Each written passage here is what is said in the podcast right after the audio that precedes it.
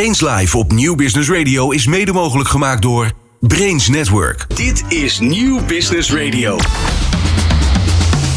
Welkom bij Brains Live. In dit programma op Nieuw Business Radio hoor je hoe het onderwijs wordt ondersteund bij het digitaliseren en optimaliseren van leerprocessen, waarbij de student centraal staat. Presentatie Robert van den Ham en Geert-Jan van der Snoek. En dat is het inderdaad. Brains Live, het radioprogramma over innovatie en digitalisering in het onderwijs. We zijn er op Nieuw Business Radio elke derde vrijdag van de maand met gasten uit onderwijs, bedrijfsleven en politiek. In deze uitzending draait het om data en artificial intelligence, kortweg AI. Het is duidelijk dat dat ook het onderwijs gaat veranderen en dat in hoog tempo. We praten erover met Ron Augustus en Bram Enning. Ron is Chief Innovation Officer in de Raad van Bestuur van SURF. En dat is de coöperatie van middelbaar en hoger onderwijs op het gebied van informatie- en communicatietechnologie. Bram is beleidsadviseur bij Hogeschool Leiden en een van de aanvoerders van de hub Studiedata en AI. Mijn vaste co-host is Geert-Jan van der Snoek, vertegenwoordiger van de digitale sector bij VNO-NCW en AI Nederland. Mijn naam is Robert van den Ham. Luister en leer ook van deze aflevering van Brains Live. Dit is Brains Live op Nieuw Business Radio met Robert van den Ham en Geert-Jan van der Snoek. En we beginnen in Brains Live altijd met onze studiogasten om hun nieuws van de week door te nemen. Ron, om bij jou te beginnen. Hoe zag wat dat betreft jouw week eruit? Nou, als het gaat over de, het nieuws van de afgelopen week, eh, met natuurlijk de verkiezingen van eh, de statenverkiezingen die er waren, kan ik eh, zeggen dat ik uit een klein dorp in Zuid-Limburg kom, Beek. En ik zag dat dat nog de enige gemeente was waar uh, het CDA nog de, de meerderheid had. Dus we zien een verandering daar plaatsvinden. Ja. Maar buiten uh, de politieke kant was de afgelopen week stond zeker voor ons bij Surf al in het teken van de opstart van N-Puls, Nederlandse Puls, als het gaat over het veranderen van ICT in het onderwijs, waar we een groot programma draaien. Wat is N-Puls precies? N-Puls is een groot programma voor, uh, voor het MBO, het HBO en het wetenschappelijk onderwijs, waarin we als sectoren samen de komende acht jaar een programma gaan doorvoeren om ICT zeg maar, gemeenschappelijk neer te zetten en het onderwijs ook samen te veranderen. Bram, ik begrijp dat dat ook jouw nieuws van de week is. Dat hebben we al even in de voorbespreking uh, doorgenomen. Waarom is dat überhaupt zo belangrijk voor jullie geweest, die meeting? Nou, dat, uh, dat, dat NPULS hangt al een tijdje in de lucht. We zijn er al een tijd mee bezig. En afgelopen woensdag was de allereerste keer dat we uh, met mensen vanuit het MBO, HBO en WO bij elkaar kwamen om te praten over wat gaan we nu doen? Hoe gaan we die versnelling in het onderwijs krijgen? Um, uh, en, en, dat was een mooie start van uh, onze community. 100 mensen uit alle drie de sectoren, gelijkelijk verdeeld. Het was een prachtige dag. Het feit dat het er nu is, of moet ik zeggen nu eindelijk is? Nou, het, uh, de, de, subsidie is toegekend, ja. maar de formele start van het programma is pas per 1 mei. Ja. Dus we zijn nu al bezig met de voorbereiding, zodat we 1 mei gewoon nou ja, meteen van start kunnen. Wat kunnen, jullie, wat kunnen jullie zeggen over het sentiment wat er juist bij die meeting dan, uh, dan overheerste? Van we moeten nu echt beginnen, Ron? Um, enthousiasme, ja. zou ik zeggen. Want we zijn op een aantal vlakken al jaren bezig om pilotprojecten te doen, om uh, proeven te doen. En we hebben nu voor het eerst ook de gedachte van hoe gaan we dat samen doen. En er is ook veel enthousiasme dat het niet alleen vanuit het HBO en het, uh, de universiteiten plaatsvindt, maar dat ook het MBO aanhaakt. En dat is eigenlijk voor het eerst, het is wel uniek in Nederland, dat je één programma hebt waar alle drie de sectoren, als het gaat over uh, deze onderwijsvormen, samenwerken. Geert-Jan, co-host, jouw nieuws van deze week? Ook de verkiezingen. Ik denk dat dat toch deze week uh, van een belangrijk deel uh, onze, onze nieuwsflow uh, beheerst. En de BBB heeft natuurlijk een, een, fantastische overwinning behaald, wat heel knap is. En dat deed mij toch maar eens kijken wat daar over onderwijs gezegd wordt in het hun programma. En viel me eigenlijk twee dingen daarin op. Is dat zij inzoomen op de ideologieën. Het verspreiden van ideologieën via onderwijzers op scholen. Dat moet verboden worden en daar moet een meldpunt voor komen. En in het nieuwsblad van het Noorden wordt daar verder op ingegaan en wordt dat wel iets genuanceerd. Maar het is wel een, een discussiepunt waarover nagedacht moet worden. Wat wel, wat niet. Nazi-ideologieën aan de ene kant, uh, dat is duidelijk, zeggen ze. Homoseksualiteit is duidelijk. Maar het binnenbrengen van dierenactivisme via een veganist, dat is weer niet duidelijk. Tweede element daarbij is dat zij meer ruimte willen hebben in het onderwijs voor het onderwijs over voedingsmiddelen, het boerenleven. En dat vind ik veel beter bij die partij horen. Zet wel druk op, zoals Bram het me vooraf zei, op het onderwijsprogramma.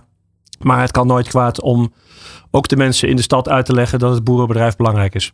En we hebben alle drie hier niet de indruk dat dit programma door ChatGPT is samengesteld, uh, Geert-Jan? Waarschijnlijk nog niet. Nee, waarschijnlijk nog niet, maar je weet het nooit. Als je, als je dit zo hoort, Ron Bran, het is, het is jullie wereld. Um, de kleine lettertjes. Onderwijs? Ik verbaas me er wel over, want mijn dochters uh, zitten op de lagere school. Nou, die gaan toch echt iedere week gaan ze naar de stadstuin om daar uh, groenten, te, groenten te planten. En, uh, en, en nemen ze mee in huis en dan gaan we er paprika soep, of eigenlijk vooral courgette soep moet ik zeggen, van maken. Ja, ja. Dus volgens mij is dat onderwijs over uh, voedsel, dat, dat zit wel snor. Ik zou daar niet nog een extra programmapunt voor maken in mijn, uh, in mijn partijprogramma. Ron, hoe is dat in Beek in Limburg? Nou ja, daar kom ik vandaan, maar ik woon nu wel in de Betuwe. Ook ja. wel een uh, agrarisch gebied. ik denk dat daar ook de, de opleiding rondom agrarische, de agrarische sector wel goed zit.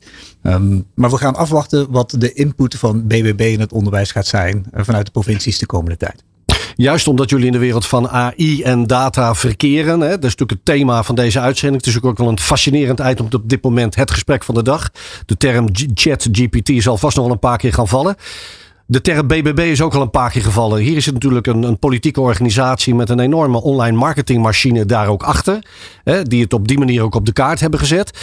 Als je dit ziet gebeuren zoals de afgelopen dagen met die enorme zegens die ze in alle provincies hebben gehaald.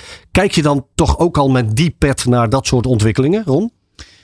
Ja, voor een gedeelte wel. Eigenlijk zal het om de inhoud moeten blijven gaan. Ja, welke middelen van technologie je ook inzet erbij. Maar het feit dat je met een slimme inzet van technologie een groter bereik kan krijgen. En dat dat een steeds belangrijkere effect uh, gaat hebben op uitslagen van, uh, van verkiezingen is wel een effect waar we rekening mee houden. Waar ook AI dus een onderdeel van, uh, van is. Hoe je slim het in gaat zetten. Ron? Bram? Ja, ik, ik, ik ga dat toch een beetje nuanceren. Omdat uh, natuurlijk bij de vorige verkiezingen waar, was het uh, Forum voor Democratie dat een enorme winst boekte. Um, ik kan niet zeggen dat daar, hè, dat is niet helemaal vergelijkbaar. Maar um, er, is gewoon, er zijn kiezers op drift. En dat is denk ik het wat hier speelt. En daar, daar kun je met slimme technologieën invloed op uitoefenen op welke kant het op beweegt. Maar dat is niet het enige natuurlijk wat, uh, wat we zien bij de verkiezingen. Dat is een feit. Geert-Jan?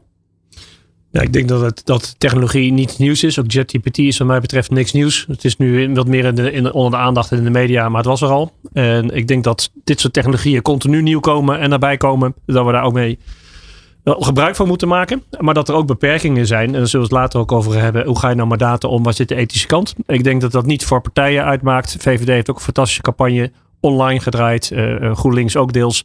Dus ik denk dat iedereen die, die middelen wel omarmt. Dus ik denk dat het niet per partij verschilt. Het gaat er wel om uh, dat, dat het er is. En dat het niet meer iets is wat je kan wegduwen of kan verbieden. Daar geloof ik niet in. Dan nog even terug naar het nieuws wat immers van jullie allebei centraal stond. Het nieuws van deze week rondom de meeting van, van Impuls. Uh, je gaf net al aan, waar staan we dan over zes jaar? Hè? Dat was ook de insteek van die meeting. Wat durf je daar nu al over te zeggen, Bram? Is er een conclusie uit getrokken? Nou, we hebben de aanwezigen uitgenodigd om, om inderdaad die ogen even dicht te doen. En even na te denken. Wat zou ik nou over zes jaar of acht jaar willen zien in het onderwijs? En dat is opvallend. Uh, we hadden dat gedaan, een aantal persona's, van een aantal type uh, in, uh, mensen in het hoger onderwijs die daar een rol hebben. Student, docent, begeleider. En voor iedere type, iedere rol kwamen mensen met een assistant. Met zo'n artificial intelligent assistant. Zeg maar een nog betere versie van ChatGPT. Dus een docent, een student, die kan gewoon aan zijn digitale assistent vragen. Goh, het lukt me maar niet met, uh, met dit ene vak. Wat, zou ik kunnen doen? En dat stukje intelligentie combineert dan gegevens van die student met wetenschappelijke inzichten en, en, relevante um, ingrepen of, of, gedrag dat je kan gaan vertonen. Je, ik zeg maar wat eerder naar bed, uh, de juiste boeken lezen, extra oefeningen doen. Um, en iedereen krijgt zo'n op maat gesneden assistent. En dat was eigenlijk voor iedereen. Het viel me wel op dat het voor bestuurders kwam dat niet naar voren. Bestuurders hadden kennelijk geen artificial intelligence nodig. Dus, dus misschien kan Ron daar nog eens wat van. Uh, zou, je, zou je daar behoefte aan hebben, Ron? Nou, ik denk dat het goed is om een AI-chatbot of een avatar te hebben waarin je wel duidelijk kan, uh, zeg maar een, uh, een stuk advies kan krijgen. Als je maar weet dat je het altijd nog door je eigen hersenen heen moet halen. En dan pas een besluit moet nemen. Dus als inputfactor zou het goed kunnen. Ik denk dat bestuurders zeker nog wel moeten wennen aan het feit van wat, wat zijn de mogelijkheden hiervan. Maar ik denk dat bestuurders ook wel weten van goh, welke gevaren zouden erin kunnen zitten. Wat kwam dat inderdaad ook aan bod? Die gevaren, was, werd dat al een thema? Ja, zeker. Daar is iedereen zich ook heel erg van bewust. Ja. De, de, uh, het kwam al even voorbij. Uh, de bias die natuurlijk die algoritmes kunnen hebben. Um, uh, en ChatGPT, dat is ook duidelijk. Hè? Dat, dat, dat heeft een aantal mooie voorbeelden van wat het kan. Maar het kan ook, heeft ook hele mooie voorbeelden wat het niet kan. Um, en ook dingen, het kan ook heel geloofwaardig foute feiten presenteren. Ehm, en dat moet je wel beseffen, daar moet je mee weten om te gaan. Is er wat dat betreft, Ron, ook al voldoende kennis uh, aan boord? Ik bedoel, jij, je hebt zelf een achtergrond bij Microsoft en Oracle onder meer. Maar, wat ervaar jij van die kennis op dit moment? Nou, dat er steeds meer kennis wordt opgebouwd en er ook heel veel kennis in Nederland is rondom uh, uh, chatbots als ChatGPT en ook foundations, dus grotere large language models, grote taalmodellen, die er voor de toekomst voor kunnen gaan zorgen dat het net lijkt alsof je met een mens aan het praten bent en dat een mens je informatie geeft, terwijl dat eigenlijk niet het geval is. En de gevaren die ik zie, die hebben eigenlijk ook een link met BBB. Het is uh, bias, dus vooroordeel, die zo'n uh, tool kan hebben. Het is big tech die erachter staat, zodat je mogelijkerwijs invloed en verantwoordelijkheid en zelfstandigheid verliest. En het is ook een, uh, een stukje als het gaat over de, um, de, de, de, zelfstandigheid en de black box, dus de derde B, die je hebt waarin je niet precies weet hoe de, aan die informatie gekomen wordt. Welke referenties daarachter zitten. Um, en misschien wordt er wel een antwoord gegeven wat niet waar is. Ook daar praten we straks over verder. We praten straks ook verder over studiedatagebruik en AI. Dit is Brains Live op Nieuw Business Radio. Je luistert naar Brains Live en dan gaan we het hebben over studiedatagebruik en AI. Alles wijst er namelijk op dat de onderwijswereld aan de vooravond staat van een digitale transformatie. En daarbij zou AI wel eens de aanjager kunnen zijn. Maar het gaat wel om een technologie waar we zorgvuldig en verantwoord mee om moeten gaan. En al helemaal binnen het onderwijs. Daarover gaan we het komend kwartier in gesprek met Ron Augustus. Hij is Chief Innovation Officer in de Raad van Bestuur van SURF. En dat is de coöperatie van middelbaar en hoger onderwijs. En met Bram Enning. Hij is beleidsadviseur bij Hogeschool Leiden. Van huis uit psycholoog en historicus. En een van de aanvoerders van de hub Studiedata en AI. Ron, gaat AI het onderwijs veranderen of is dat het al aan het doen? Dat is het al aan het doen.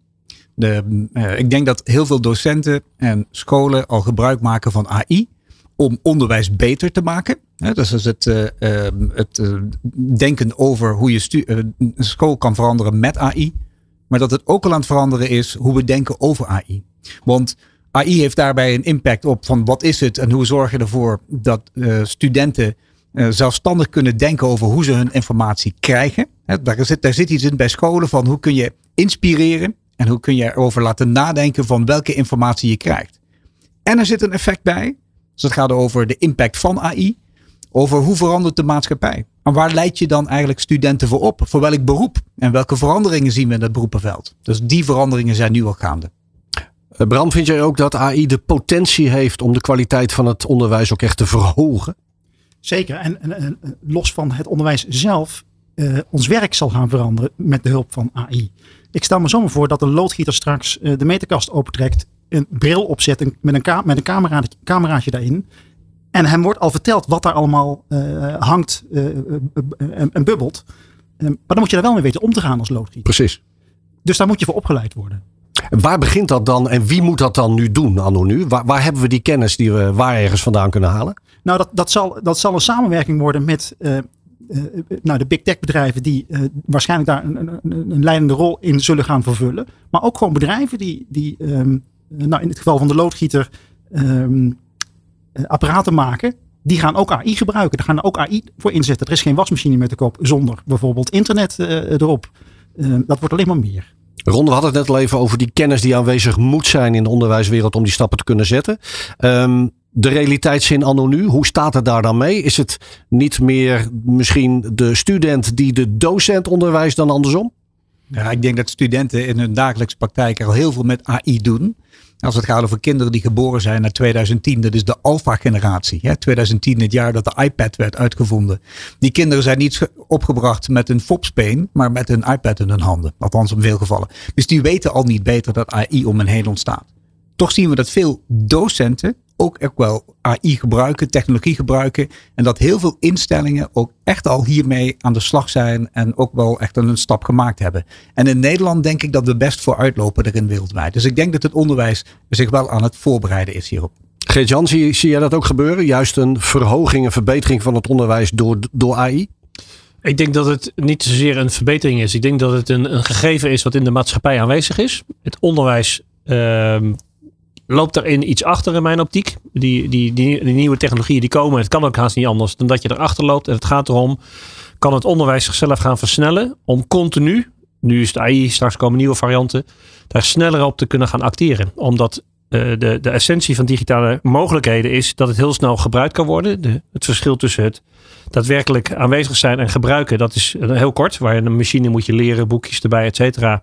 Dit gaat veel sneller. Dat betekent dus dat onderwijs in zichzelf een steeds hogere uh, veranderingsfactor moet kunnen uh, borgen. Om ervoor te zorgen dat de studenten die uit het onderwijs komen, of die vanuit het bedrijfsleven weer teruggaan naar het onderwijs, continu bijblijven met die nieuwe technologieën. En ik denk dat die dynamiek maakt dat onderwijs anders gaat worden. Ja. Ron, want hoe gaan we die kansen die Geert-Jan ook uh, benoemt nu, hè? de kansen die AI biedt, benutten voor alle groepen, alle groepen dan in de onderwijsketen? En wat voor rol speelt Surf daar dan bijvoorbeeld bij? Surf speelt een rol als het gaat over MBO, HBO en de universiteiten om samen die uh, vernieuwingen door te kunnen gaan voeren. En we werken daarbij samen met Kennisnet. En dat is de organisatie die voor het primaire en het voortgezette onderwijs deze taak heeft. Dus samen met Kennisnet, uh, Kennisnet hebben we het totale onderwijsvlak. En SURF pakt het voor het uh, MBO, HBO en WO op. Zie je dat al in praktijk goed gebeuren, Bram? Nou, ik wil even terugkomen op wat mijn buurman net zei. De, ja. de, je wil het onderwijs wendbaar maken. Je wil dat uh, je snel kan inspelen op de veranderende arbeidsmarkt of de veranderende context waarin studenten moeten opereren. Um, en dat vraagt dus ook wat over hoe wij ons onderwijs organiseren en hoe we dat invullen. En dat is ook iets waar we met, met dat programma wat al werd genoemd, Impuls, aan gaan bouwen. Hè? Hoe zorgen we er nou voor dat het voor studenten makkelijk wordt om te zeggen, halverwege hun opleiding, nou wacht eens even. Dat beeld wat ik had twee jaar geleden van wat mijn, wat mijn beroep, hoe mijn beroep eruit ziet, dat gaat veranderen. Ik wil me nu uh, wat meer vakken of onderdelen of cursussen bij een andere instelling bijvoorbeeld gaan halen. En op die manier uh, is een student in regie, die bepaalt zelf wat hij gaat studeren en kan zich helemaal eigenlijk zelf al klaarstomen op die arbeidsmarkt die al veranderen is. Maar om dat te kunnen, dan moet er sprake van co-creatie zijn tussen onderwijs, bedrijfsleven, uh, misschien wel heel Nederland. Dat, dat lijkt me dan aan de orde. Dat is de enige manier waarop het zou kunnen. Moet dat? klopt. Ja. Ja, plus, plus, dus de datagebruik. Ik denk dat, want de, die co-creatie, daar is denk ik, we oren na, dat wil iedereen wel. Dan heb je nog wat discussie. In hoeverre moet onderwijs onderwijs bieden? In hoeverre is het direct aansluiting op, het, uh, op de, de praktijk? Dat is het verschil tussen MBO, HBO en, uh, en universiteiten. En aan de andere kant heb je data en datagebruik. En ik denk dat de essentie van uh, artificial intelligence en dat soort zaken die er gebeuren, is dat we ook met elkaar een goede discussie hebben over het gebruik van data. Waar enerzijds uh, argwaan is en, en angst is. En dat is, dat is niet helemaal onterecht. Aan de andere kant is het niet zo dat we kunnen zeggen. Het gaat niet gebeuren. Dus de vraag is, hoe gaan we om met data? Het gaat er niet om dat we niet met de data gaan werken. We gaan met de data werken, dat is een given fact. En hoe, hoe kunnen we daar voor de checks en balances in bouwen dat dat op een zuivere manier gaat? Als het gaat over die, die data, zien we ook dat er best veel wetgeving komt. Bijvoorbeeld uit Europa. Denk aan de AI-act, waar er nou aan gewerkt wordt. Waarin er voorwaarden gesteld worden aan welke AI-programma's en algoritmes, dus stukken software daarin gebruikt kunnen worden. Maar we moeten niet alleen afwachten wat uit Europa komt. We moeten ook samenwerken met het lokale bedrijfsleven hier. Want als ik kijk naar de onderwijssector, is het een hele moeilijke sector om als starter of als scale-up mee aan de slag te kunnen gaan. Omdat er heel veel regels zijn over privacy, over aanbesteding. Kunnen we dat makkelijker maken? Want op het moment dat je dat kan vergemakkelijken, stijgt ook het innovatieve gehalte bottom-up in Nederland. Zit er ook een gevaar in, Bram, in die samenwerking, die co-creatie tussen bijvoorbeeld onderwijs en bedrijfsleven?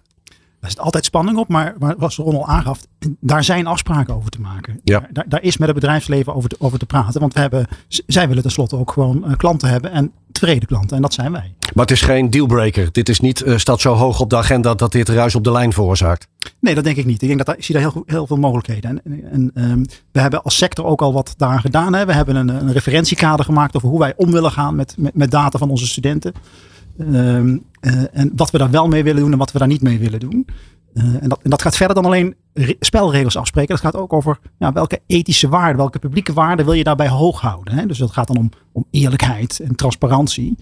Um, uh, dat hebben we met, met de sector al afgesproken dat we zo willen omgaan met data van onze studenten. En dat moet ook voldoende vertrouwen geven aan die studenten dat wij daar zorgvuldig mee omgaan. En dus ook die AI kunnen uh, gaan gebruiken op momenten dat het gepast is. Ja, en ik denk dat dat al een switchpunt is. Dat we traditioneel zeggen, wij zijn we gewend te zeggen, dit mag wel met data, dit mag niet met data. Maar dat gaat niet werken, want wat vandaag is, is morgen niet. wat voor het ene casus geldt, geldt voor de andere casus niet. Dus ik denk dat precies wat Bram zegt, de essentie is dat je heel transparant bent hoe je met de data omgaat. Dat je altijd nog een menselijke interactie in het, in het proces, in het samenstellen van algoritmes, in het nadenken erover hebt.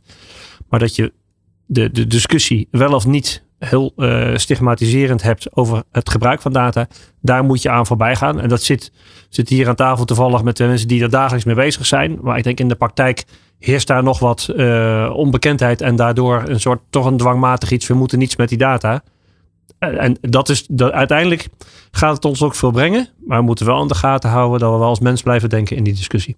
En die bewakers, dat is ook het team achter het Collaborative Trust Framework, Ron. Wat, wat is dat precies voor initiatief?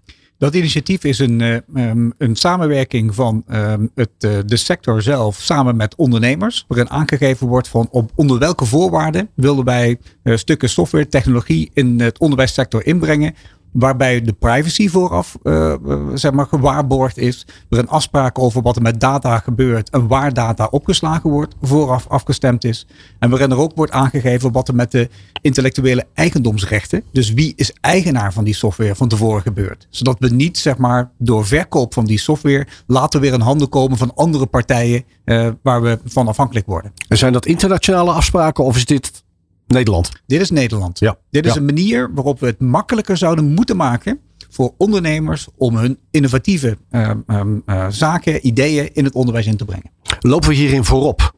Ja, dat denk ik wel. Als we kijken naar NPULS, dat programma. Ja. Ik denk dat dat uniek is in Europa. Uh, waarin er over verschillende sectoren wordt samengewerkt. Waar nagedacht wordt dat op basis van publieke waarden en wat we belangrijk vinden, dat er iemand tussen zit, AI, en wat er uitgevoerd wordt en waar data opgeslagen wordt. En dat een student uiteindelijk ook zeggenskracht blijft hebben over zijn of haar data. Ik denk dat dat uniek is voor, uh, voor uh, Europa.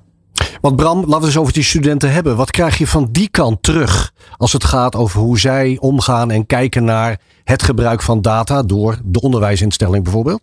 Ja, dat, dat is uh, heel verschillend. Uh, daar was ik al verbaasd over. Ik was bij uh, de studentenvakbond een paar maanden geleden om te praten over data. Ja. Um, en uh, daar kwam het voorbeeld bij van, nou, we, we, kunnen soms in data zien dat een student ja, een beetje wegzakt. Hè? Dus dat hij, dat hij niet meer zo hard studeert, dat hij niet meer zo vaak op school komt, geen toetsen meer doet, de cijfers zakken een beetje in. Dan zou je als instelling kunnen ingrijpen. Dan zou je als instelling kunnen zeggen, ik bel een keer of ik stuur een mailtje. In het HBO is dat eigenlijk best zou dat best kunnen, zou dat best passen. Maar bij studenten aan de universiteit, die, die, die, die gingen op de stoel staan. Die zeiden, nou dat wil ik absoluut niet. Ik bepaal zelf wanneer ik studeer, wat ik studeer en waarom ik studeer. Daar heb ik echt geen hulp voor nodig. Daar hoef ik echt niet een telefoontje voor te krijgen.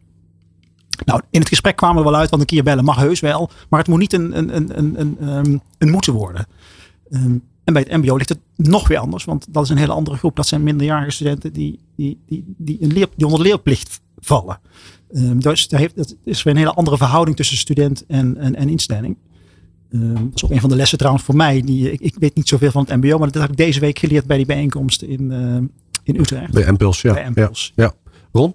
Ja, wat we zien is dat je soms de gedachte hebt, zeker als je een, een informatietechnologie achtergrond hebt, wat geweldig wat IT allemaal zou kunnen brengen.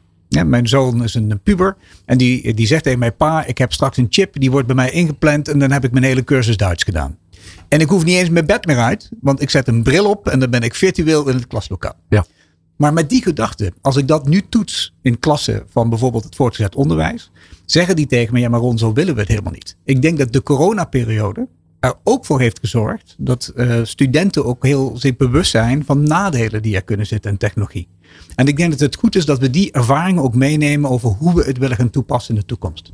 Want waar leggen we de grenzen? Dit is natuurlijk de ethische discussie. We kennen het verhaal vanuit Amerika, een universiteit, die zelfs in de Google Drive uh, van studenten kan. Uh, daar ontdekt dat een student een bepaalde seksuele voorkeur heeft, zijn ouders daarmee confronteert uh, en een hele discussie op gang brengt. nou, de rest is history zou ik bijna zeggen. Maar Amerikaanse toestanden, om het uh, op die manier te verwoorden. Is dit denkbaar in Nederland? Dat we zo ver gaan als onderwijsinstellingen? Meekijken in de Google Drive?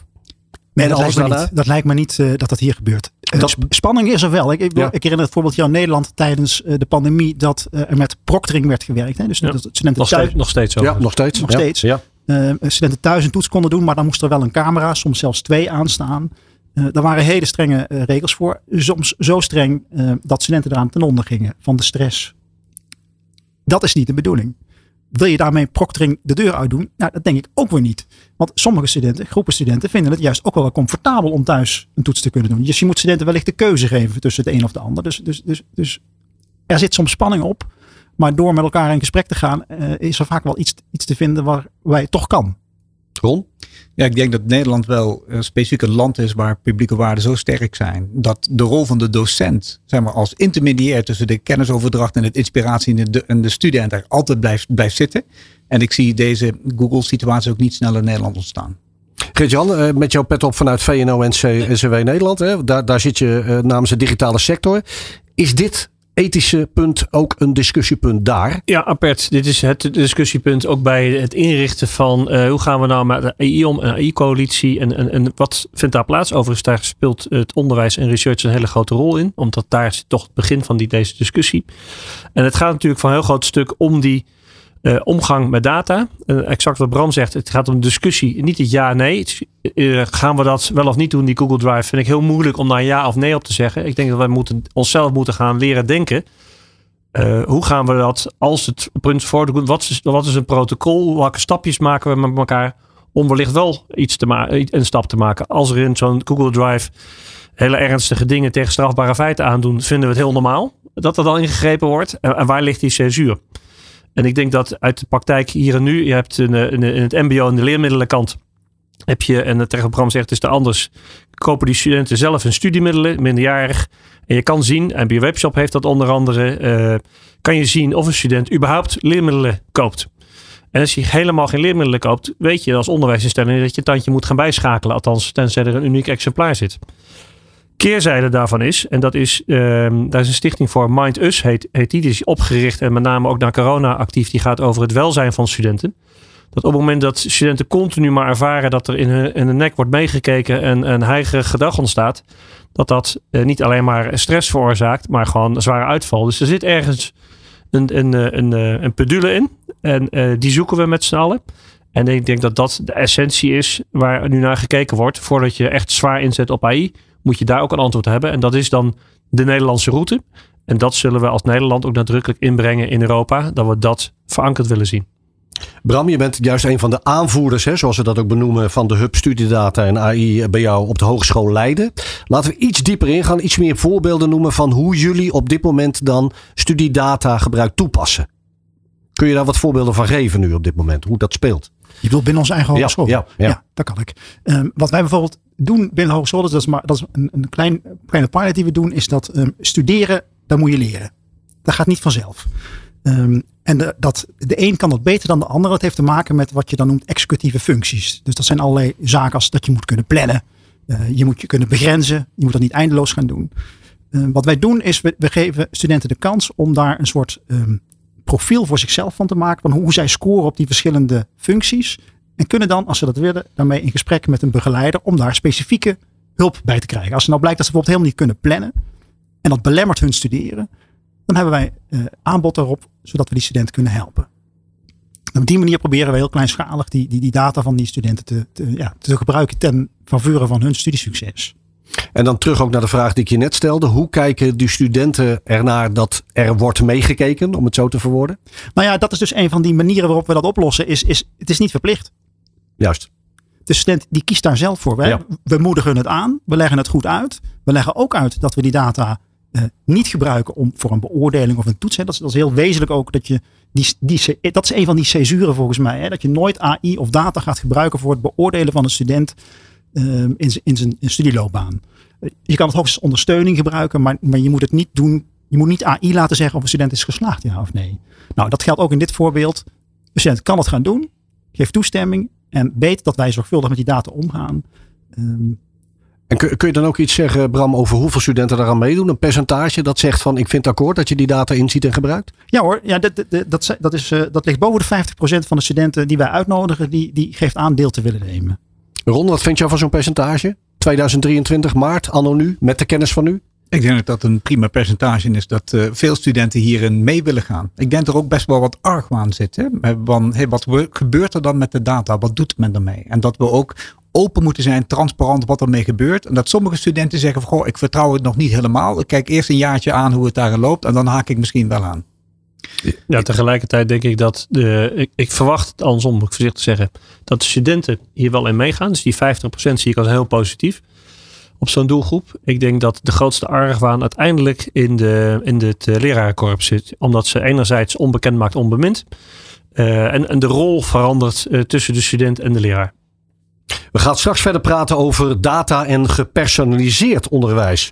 Dit is Brains Live op Nieuw Business Radio. En inderdaad, je luistert naar Brains Live vanaf het Mediapark in Hilversum. In deze uitzending draait het om artificial, artificial Intelligence, AI, laat ik het zo maar gaan benoemen. En samen met co-host Geert-Jan van der Snoek praat ik erover met Ron Augustus, Chief Innovation Officer in de Raad van Bestuur van SURF. En met Bram Enning, beleidsadviseur bij Hogeschool Leiden. We zijn het er hier over eens dat AI hoe dan ook een belangrijke rol speelt in onderwijsvernieuwing, onderwijslogistiek en de manier waarop partijen binnen en buiten de onderwijsketen met elkaar samenwerken. AI kan de huidige ontwikkeling van personaliseren van onderwijs substantieel versnellen door studenten op maat te ondersteunen in hun eigen leerroute. Ook adaptieve leermiddelen worden dankzij AI nog waardevoller voor studenten en docenten. En met de komst van AI verandert ook die rol van docenten. Bram, hoe nemen jullie die docenten daarin mee? Ja, dat is een, dat is een belangrijke vraag. Uh, vind ik ook een ingewikkelde vraag, maar de, hij werd zelf gesteld door de, mede, door de deelnemers van de, uh, de dag afgelopen woensdag van Impuls. Ja. Um, de term datageletterdheid en AI-geletterdheid kwam daar terug. Docenten weten veel, maar zijn natuurlijk vooral bezig met de, de waan van de dag. Hè. Die moeten gewoon lesgeven. Dus even stilstaan, verdieping daarop daar, moeten we, daar moeten we aandacht aan geven. Ze staan er overigens heel erg open voor. Uh, de mensen die daar waren, die, die willen echt wel aan de slag met AI. Maar hoe je dat een structurele rol geeft en hoe je dat zorgvuldig doet, ja, dat vergt nog wel wat um, uh, uitzoekwerk. En waar begint dat? dat begint bij, bij Impuls, denk ik, voor een belangrijk gedeelte. Daar brengen we mensen bij elkaar die de tijd krijgen om daar breder landelijk wat mee te gaan doen. Ron? Ja, ik denk dat we vakgroepen hier belangrijk in zijn. Zodat dingen gedeeld kunnen worden, ervaringen gedeeld kunnen worden. Van hoe doe jij het? En je hebt altijd wel sommige docenten die voorlopen. Um, die al gebruik maken van, uh, van nieuwe technologieën of AI. Die dan andere docenten kunnen meenemen. Dus ik geloof erin dat we per instelling hier zeg maar, kennis moeten delen. Maar ook per vakgroep kennis moeten delen. Om elkaar te inspireren. Rons, of Geert-Jan speelt hier ook VNO-NCW vanuit bedrijfsleven een belangrijke rol in? Ja, niet zozeer VNO-NCW. Bedrijfsleven speelt er zeker een rol in. Ik denk dat je in die, in die, die samenwerking dat kan doen. Maar ik denk dat de student er ook een rol in speelt. En als je zegt, kijk naar, daar, dat zie je al op meer plekken in het onderwijs, dat de student mee, mee kan praten in dit soort discussies. Daardoor een andere invloed geeft. Dus het is niet alleen maar een, een discussie van docenten of bestuurders. Maar het is juist die tripartiet. En, en afhankelijk van de type opleiding zal daar de, een, een, eh, het bedrijfsleven dichterbij zitten, ja dan te nee. Maar ik denk het belangrijkste is dat de student mee moet praten. Die zitten eigenlijk, die werken al met dit soort technologieën. Die zijn al ietsje verder. Ze zijn niet gehinderd door uh, allerlei regeltjes. En dat geeft een goede discussie. Uh, want dan krijg je echt een discussie op de inhoud en het gebruik. Ron, je hebt zelf de overstap gemaakt van het bedrijfsleven uh, richting onderwijs, richting deze kant op. Zeker natuurlijk met digitalisering uh, in je pakket. Is dit een voorbeeld uh, wat meerderen zouden moeten kunnen en ook gaan volgen? Als je kijkt naar de wens nu vanuit het onderwijs ook. Ja, ik denk dat dat vanzelf gaat gebeuren. Als het ja. gaat over nieuwe technology waves die er komen. Ja. Als dat nou was internet, of als dat nou was cloud, of als dat nou was AI, zoals er nu aan, aan de gang is. Zie je dat er steeds zeg maar, dat verder gaat. Maar ik denk dat we een, een belangrijke verantwoordelijkheid hebben om niet alleen uh, aan te geven goh, hoe ga je ermee om en ben je bewust van wat het betekent. Maar dat we ook een beweging moeten inzetten dat we niet alleen als consument van AI, zeg maar, het gewoon gaan, gaan, gaan absorberen en opeten. Maar eigenlijk zelf ook moeten meesturen als sector. En ik denk dat die beweging heel belangrijk is, vooral in het onderwijs. En, en hoe, hoe ga je dat oppakken dan? Hoe ga je dat laten meebewegen? Dat kun je niet als instelling of als docent alleen doen. Dit moet je samen doen. Samen met uh, per sector, dus voor het HBO, MBO en voor de universiteiten samen. Maar ook met het ministerie erbij. En in internationaal verband. Want je merkt dat als we samen staan, we ook een duidelijke voice kunnen hebben, een duidelijke stem hebben naar uh, het grotere, uh, de grotere commerciële partijen, om die, uh, om, om die ook hun koers te laten veranderen. En is dan Impuls die missing link in dit verhaal? Hangt het dan af van deze organisatie waar iedereen samenkomt, Ram? Nou, het, het mooie van Impuls is, is de, het, um, wat ik net al zei, hè, docenten moeten ook tijd krijgen om hun onderwijs te vernieuwen, te verbeteren, weten wat er speelt. Empel zorgt ervoor dat iedere instelling een Center for Teaching and Learning krijgt. Dat is zeg maar de plek waar informatie van buiten, nieuwe ontwikkelingen van buiten de instelling in kunnen worden gebracht. En docenten dus ook nieuwe onderwijstechnieken, nieuwe toetstechnieken uh, zich eigen kunnen maken en mee kunnen denken uh, over, over dit soort zaken. Ron, laten we eens kijken naar hoe dan. Hè? Dus hoe het meer een kans gaat geven, uh, AI, op efficiëntie en gepersonaliseerd onderwijs. Hoe gaan we dat aanpakken? Nou, door um, wat we nu eigenlijk al aan het doen zijn in het onderwijs, is dat we allerlei experimenten aan het doen zijn met alle stukken software. Dat gebeurt al in het primair onderwijs op de basisscholen erin, waarin eh, docenten weten hoe kan ik nou eigenlijk meer informatie te weten krijgen van een, een student of kan ik meer gepersonaliseerde toetsen krijgen. Hè? Van, zodat je weet over de verschillende voortgangen die een student maakt, dat daar wat andere vragen naar gesteld worden of dat er andere zeg maar, uh, op, opgaven gegeven worden. Dat begint al heel veel te, te gebeuren. Um, en ik zie dat we de komende, de komende jaren dit verder doorgaan, zolang, en dit is in Nederland wel van belang, de docent ook altijd ertussenin blijft staan. Ram. Ja, ik heb een heel leuk voorbeeld van, ja. van een collega van mij uit, uh, van de Universiteit Maastricht nog. Die heeft met uh, GPT 2 was het volgens mij nog een, een, eerdere versie van GPT. Uh, maakte die uh, individuele toetsvragen. Iedere, iedere student kreeg een eigen toets. Individueel op maat gemaakt door de chatbot. Uh, en dat kon heel makkelijk, omdat het ging om een, om een toets logisch redeneren. Nou, en als ChatGPT één ding goed ja, kan, ja. is het logisch redeneren. Ja, ja. Maar hier zie je dus al een verschil tussen Maastricht en Leiden, om het even zo te stellen. Jullie vinden elkaar nu bij Impuls, maar er zijn dus her en der al voldoende initiatieven op dit vakgebied. Geert-Jan, waarvan je misschien ook iets meer van elkaar zou moeten willen weten. Ja, en ik denk dat uh, vanuit uh, AI-net, AI Nederland, AI-coalitie, daar worden nu gelden, echt, echt serieus gelden vrijgemaakt om dit verder te ontwikkelen. Uh, samen met bedrijfsleven, met onderwijs, met research. is net gestart. En een van de onderdelen die erin komen zijn Living Labs. En dat is een we natuurlijk uit coronatijd voor het eerst tevoorschijn is gekomen. Iets wat al langer bestaat. Maar dat betekent dus dat je niet alleen maar gaat zitten denken en nadenken hoe het zal zijn. Dat is ook mijn rol in dat verhaal om daar af en toe wat tegen aan te gaan. Maar met name met Living Labs laten we nou in een omgeving met alle partijen aan tafel gewoon het proberen. En dan zullen dingen wel en niet goed gaan en daarvan leren. Zodat je dus uh, met de evolutie mee en de versnelling mee kan pakken. En met, met leerlingen, studenten, als het bedrijfsleven erbij is, het bedrijfsleven, die stappen maken. Kom. Ja, ik denk dat, dat, dat die uh, labs in het land overal gevormd worden. Ja. We werken daar ook breed mee samen, bijvoorbeeld met Erasmus Universiteit of met de Radboud Universiteit. En die, laatste vanuit de Radboud Universiteit wordt bijvoorbeeld uh, de parallel soms gemaakt met hoe een elektrische auto werkt. Met bijvoorbeeld een Tesla. je kan zeggen van goh, je hoeft alleen maar achterin te gaan zitten en de auto stuurt je vanzelf wel naar je eindbestemming toe. Maar er zijn een aantal stappen om daar te komen. En de eerste stap is bijvoorbeeld een navigatiesysteem gebruiken. Je bent zelf in controle, maar je wordt wel ondersteund. En ik denk dat die fase waarin je helemaal zelfstandig achterin gaat zitten in het onderwijs en AI en robots het onderwijs gaan doen, dat dat in Nederland niet gaat gebeuren. Bram, ja, nee, onder, onderwijs is ook gewoon hard werken. En dat kan, je niet allemaal, dat kan je niet overlaten aan de computer. Dat moeten wij echt zelf doen. Dat moeten docenten zelf doen, maar vooral ook studenten. Eigenlijk zou je zeggen dat onderwijs meer is dan kennisoverdracht. Of eigenlijk dat niet is, maar net het aanjagen van het vuurtje. Hè? Dat, uh, en dat kun je moeilijk automatiseren. Ja. Niet automatiseren. De manier van kennisoverdracht. Hè? Als we eens gaan kijken naar een creatieve en efficiënte wijze om dat te doen. Gaat dit de traditionele klas-collegezaalsetting in die zin ook echt veranderen? Ja en nee, denk ik. Um, ik nog, nog één voorbeeld over dat AI. In, ja. uh, bij de Radboud Universiteit is een heel mooi experiment gedaan bij een aantal hogescholen. Uh, een soort assistent die studenten helpt bij het schrijven van een essay. Een vaardigheid die iedereen moet, moet hebben op de universiteit. En de hogeschool trouwens ook. Gewoon een stukje tekst schrijven. Ik heb heel veel geschreven en het heeft me heel veel tijd gekost om dat een beetje, een beetje gestructureerd te kunnen doen. Wat, en dat kost ook heel veel tijd als docent om dat te begeleiden, hè, om feedback te geven aan, aan studenten. Maar als je daar nou een stukje slimme AI voor weet te maken. En de eerste stappen zijn daarvoor gezet bij de Radboud Universiteit, bij de groep van Inge Molenaar. Um, dat helpt de student om dat schrijven in de vingers te krijgen. En biedt de docent dus weer meer tijd om op een andere manier die, docent, die, die studenten te motiveren. Of misschien eens een keertje achterover te gaan zitten en te denken: van, Goh, waarom heb je eigenlijk dit onderwerp gekozen? En, en dus op die manier eigenlijk het niveau van je onderwijs weer een stapje hoger te, te, te brengen. Is je rondknikken?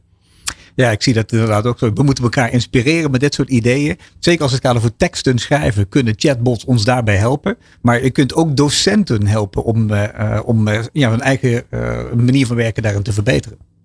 Die docent kort op de, de student in dit geval. Dit is natuurlijk het voorbeeld ook van ChatGPT. Ook om te voorkomen dat het door de studenten meer dan ooit wordt toegepast om tot presentaties uh, enzovoorts te komen. Is dat het in het bijzijn van docenten geschreven, gerealiseerd moet worden. Dat is op dit moment al veel, veel scholen aan de hand. In hoeverre, terug naar die traditionele schoolbanken, is dit een hiaat nog in het verhaal? Ik denk dat scholen er zeker mee rekening houden dat met de komst van, uh, van chatbots zoals ChatGPT, ja, op het moment dat je je toetsen wil gaan doen door te zeggen van oh, ga naar huis en maak deze week een proef, uh, een opstel over een bepaald onderwerp, dat de kans groot is dat dat vanuit een ChatGPT kant komt. Maar dat was al het geval. Hè? Ja. want Alleen wat ze nu doen is ze typen Wikipedia over. Dus, maar die kennen de docenten al. Dus het is nu een volgende versie van hoe dat soort plagiaat zeg maar, voorkomen kan worden de opportunity zit erin, de mogelijkheid zit erin. Door net te zeggen van hoe maken we studenten nou bewust dat van alle informatie die op je opkomt, die op je afkomt over allerlei onderwerpen, dat je je eigen mening vormt. Dat je niet zomaar iets aanneemt voor waarheid. Ik ben een beleidsadviseur en dan, is het eigenlijk, dan doe je eigenlijk niks anders hè, dan teksten schrijven. Um, maar ik heb ook wel collega's die ChatGPT gewoon gebruiken in hun werk. Al is het maar om een eerste opzet uh, te maken. Ik heb het zelfs ook wel eens geprobeerd. Ik moest een, een, een, een vergadering begeleiden van al onze directeuren over het onderwerp. Uh, wat gaat studiedata en AI betekenen voor ons onderwijs? En ik vroeg ChatGPT, doe mij even tien interessante bespreekpunten voor de Board of Directors. En ik kreeg ze. En het waren goede punten. En dat communiceer je dan ook zo naar je collega's? Van ik heb het ingeschakeld en uh, het komt niet alleen uit mijn eigen brein. Jazeker. Ja. Ja, ja, ja. Hoe wordt daar dan op gereageerd? Is nou, dat dan meteen de hoe-vraag? Of? Nee hoor, want, want uh, ook uh, zeg maar bestuurders, maar ook directeuren, die weten heus wel wat er in de wereld gebeurt. Dus, dus die kennen dit soort technieken wel. Um, uh, dus het helpt om ook weer die bewustwording daar wel te krijgen, maar ze, ze weten het natuurlijk wel. Maar het interessante is, wat, wat Ron net zegt in dat, in dat verband, is het, het, gaat, het gaat er dus om dat je de, de, gaat nadenken over die informatie. Dus het feit dat die informatie overal te krijgen is, dat zal wel. Daar moeten we aan gewend raken. En de docenten zullen moeten gaan vragen gaan stellen die on top of die data uh, de leerling laat nadenken over bepaalde problemen. En uh, dat is weer niet de JetGPT's en daar kan een discussie ontstaan. En dat maakt, vind ik, studenten weer weerbaar voor het normale bedrijfsleven. We gaan met Brains Live richting het einde van dit radiouur. En dat doen we met Geert-Jan van der Stoek en onze studiogasten Ron Augustus en Bram Enning. Brains Live op Nieuw Business Radio. En we stellen ons tot slot de vraag: hoe ziet het onderwijs door gebruik van data en AI er de komende twee jaar uit? Maar vooral, waar staan we over twee jaar? Ron, jullie hadden het bij die meeting over zes jaar. We trekken de, de tijdspannen iets korter, over twee jaar. Wat is jouw visie daarop? Daarop verwacht ik dat als het gaat over het gebruik van digitale leermaterialen. Dus niet boeken en tijdschriften, maar wat allemaal digitaal is opgeslagen. Dat we dat al veel meer samen kunnen gaan delen. Dat je als docent sneller toegang krijgt tot de informatie van andere docenten om je eigen lessen beter te kunnen gaan maken. En dat je als student ook makkelijker snel informatie kan vinden uh, um, over jouw specifieke interessegebied. Dat staat over twee jaar wat jou betreft. Ja. Bram, zie jij dat ook zo? Dat denk ik. En ik denk ook dat, het, uh, dat we met drie sectoren samen een uh, helder, heldere roadmap hebben ontwikkeld. Wat we de jaren daarna samen gaan doen. Om dat allemaal op een hoger niveau te brengen. Voor studenten, ik denk dat het meest zichtbaar over twee jaar zal zijn dat ze veel makkelijker uh, hun eigen flexibele leerpad kunnen, kunnen inrichten. Weten waar die informatie te vinden is om die keuze te maken. En misschien ook al zelfs wel de eerste tools om te ondersteunen bij het maken van die keuze. Ja, wat, wat, staat er dan uiteindelijk na die Impulse meeting? Hè? Als we kijken naar een top drie agendapunten uh, bovenaan om dit dan ook te kunnen bereiken in 2025. Wat zijn dan nu de eerste stappen voor jullie? Voor mij zijn dat zeg maar, het doorpakken op digitale leermaterialen. Het inrichten van die flexibilisering waar Bram, uh, Bram het over heeft. Het bepalen van hoe studiedata gebruikt kan worden. Waarbij studenten zeg maar, hun eigen data kunnen blijven sturen. En het vierde is het EdTech-stuk, de education technology bedrijven die samen met de ondernemers in Nederland zeg maar, onderwijs vooruit kunnen brengen. Bram, hoe is dat bij jou? Nou, ik, ik, ik onderschrijf het helemaal. En ik wil er nog aan toevoegen dat, dat we ook uh, uh, de ethische en juridische kanten voor die studenten uh, helder hebben. Dat zij weten waar ze aan toe zijn als zij onderwijs volgen bij ons, wat er met hun data gebeurt, wat we er wel mee doen en wat we er niet mee doen. Geert-Jan, is dit uh, de wens is de vader van? Of? Ja, daar ben ik altijd de, de, de, ongeduldige in deze. Ik denk dat dat sneller gaat. Uh, omdat, omdat de maatschappij sneller gaat. En dat betekent dus dat we uh, niet zozeer... we willen er twee jaar over doen, dus we kunnen er twee jaar over doen. Als het sneller gaat, zullen we het sneller moeten doen. Ik ben het uh, vol 100% eens met Ron en Bram wat ze net zeiden. Met name die, die, die leermiddelkant, als je dat verder digitaliseert, daardoor krijg je het veel meer, sluit het beter aan op waar de student op dit moment zich bevindt en waar de aandacht zit en de personalisering. Het ethisch kader, ik denk dat dat uh, iets is wat gewoon de komende jaren rond moet zijn. Daar kunnen we eindeloos over blijven praten, maar we hebben het hier en nu al nodig. En ik denk dat we van daaruit vooral niet te lang moeten nadenken, maar moeten gaan doen en het moeten bijsturen gedurende het proces. Wanneer is de volgende Impulse meeting, Ron? Uh, volgende week. We gaan er flink mee aan de slag. Volgende bedenk, student is niet alleen degene die nu op school zitten, maar iedereen die werkt. Bedenk dat dat ook de beweging is die we zien. Helder. En dit was hem dan, de derde aflevering van Brains Live. Disclaimer: deze uitzending is niet samengesteld op basis van algoritme en met hulp van ChatGPT. Dank aan Ron Augustus en Bram Enning voor hun komst. Dank aan gastheer Geert-Jan van der Snoek. We zijn er elke derde vrijdag van de maand van 11 tot 12. Deze uitzending is terug te luisteren via de website van New Business Radio. Tot de volgende. Dit was Brains Live. Wil je meepraten of heb je een suggestie voor een onderwerp of gast? Stuur dan je e-mail naar info@brainslive.com. Tot de volgende Brains Live.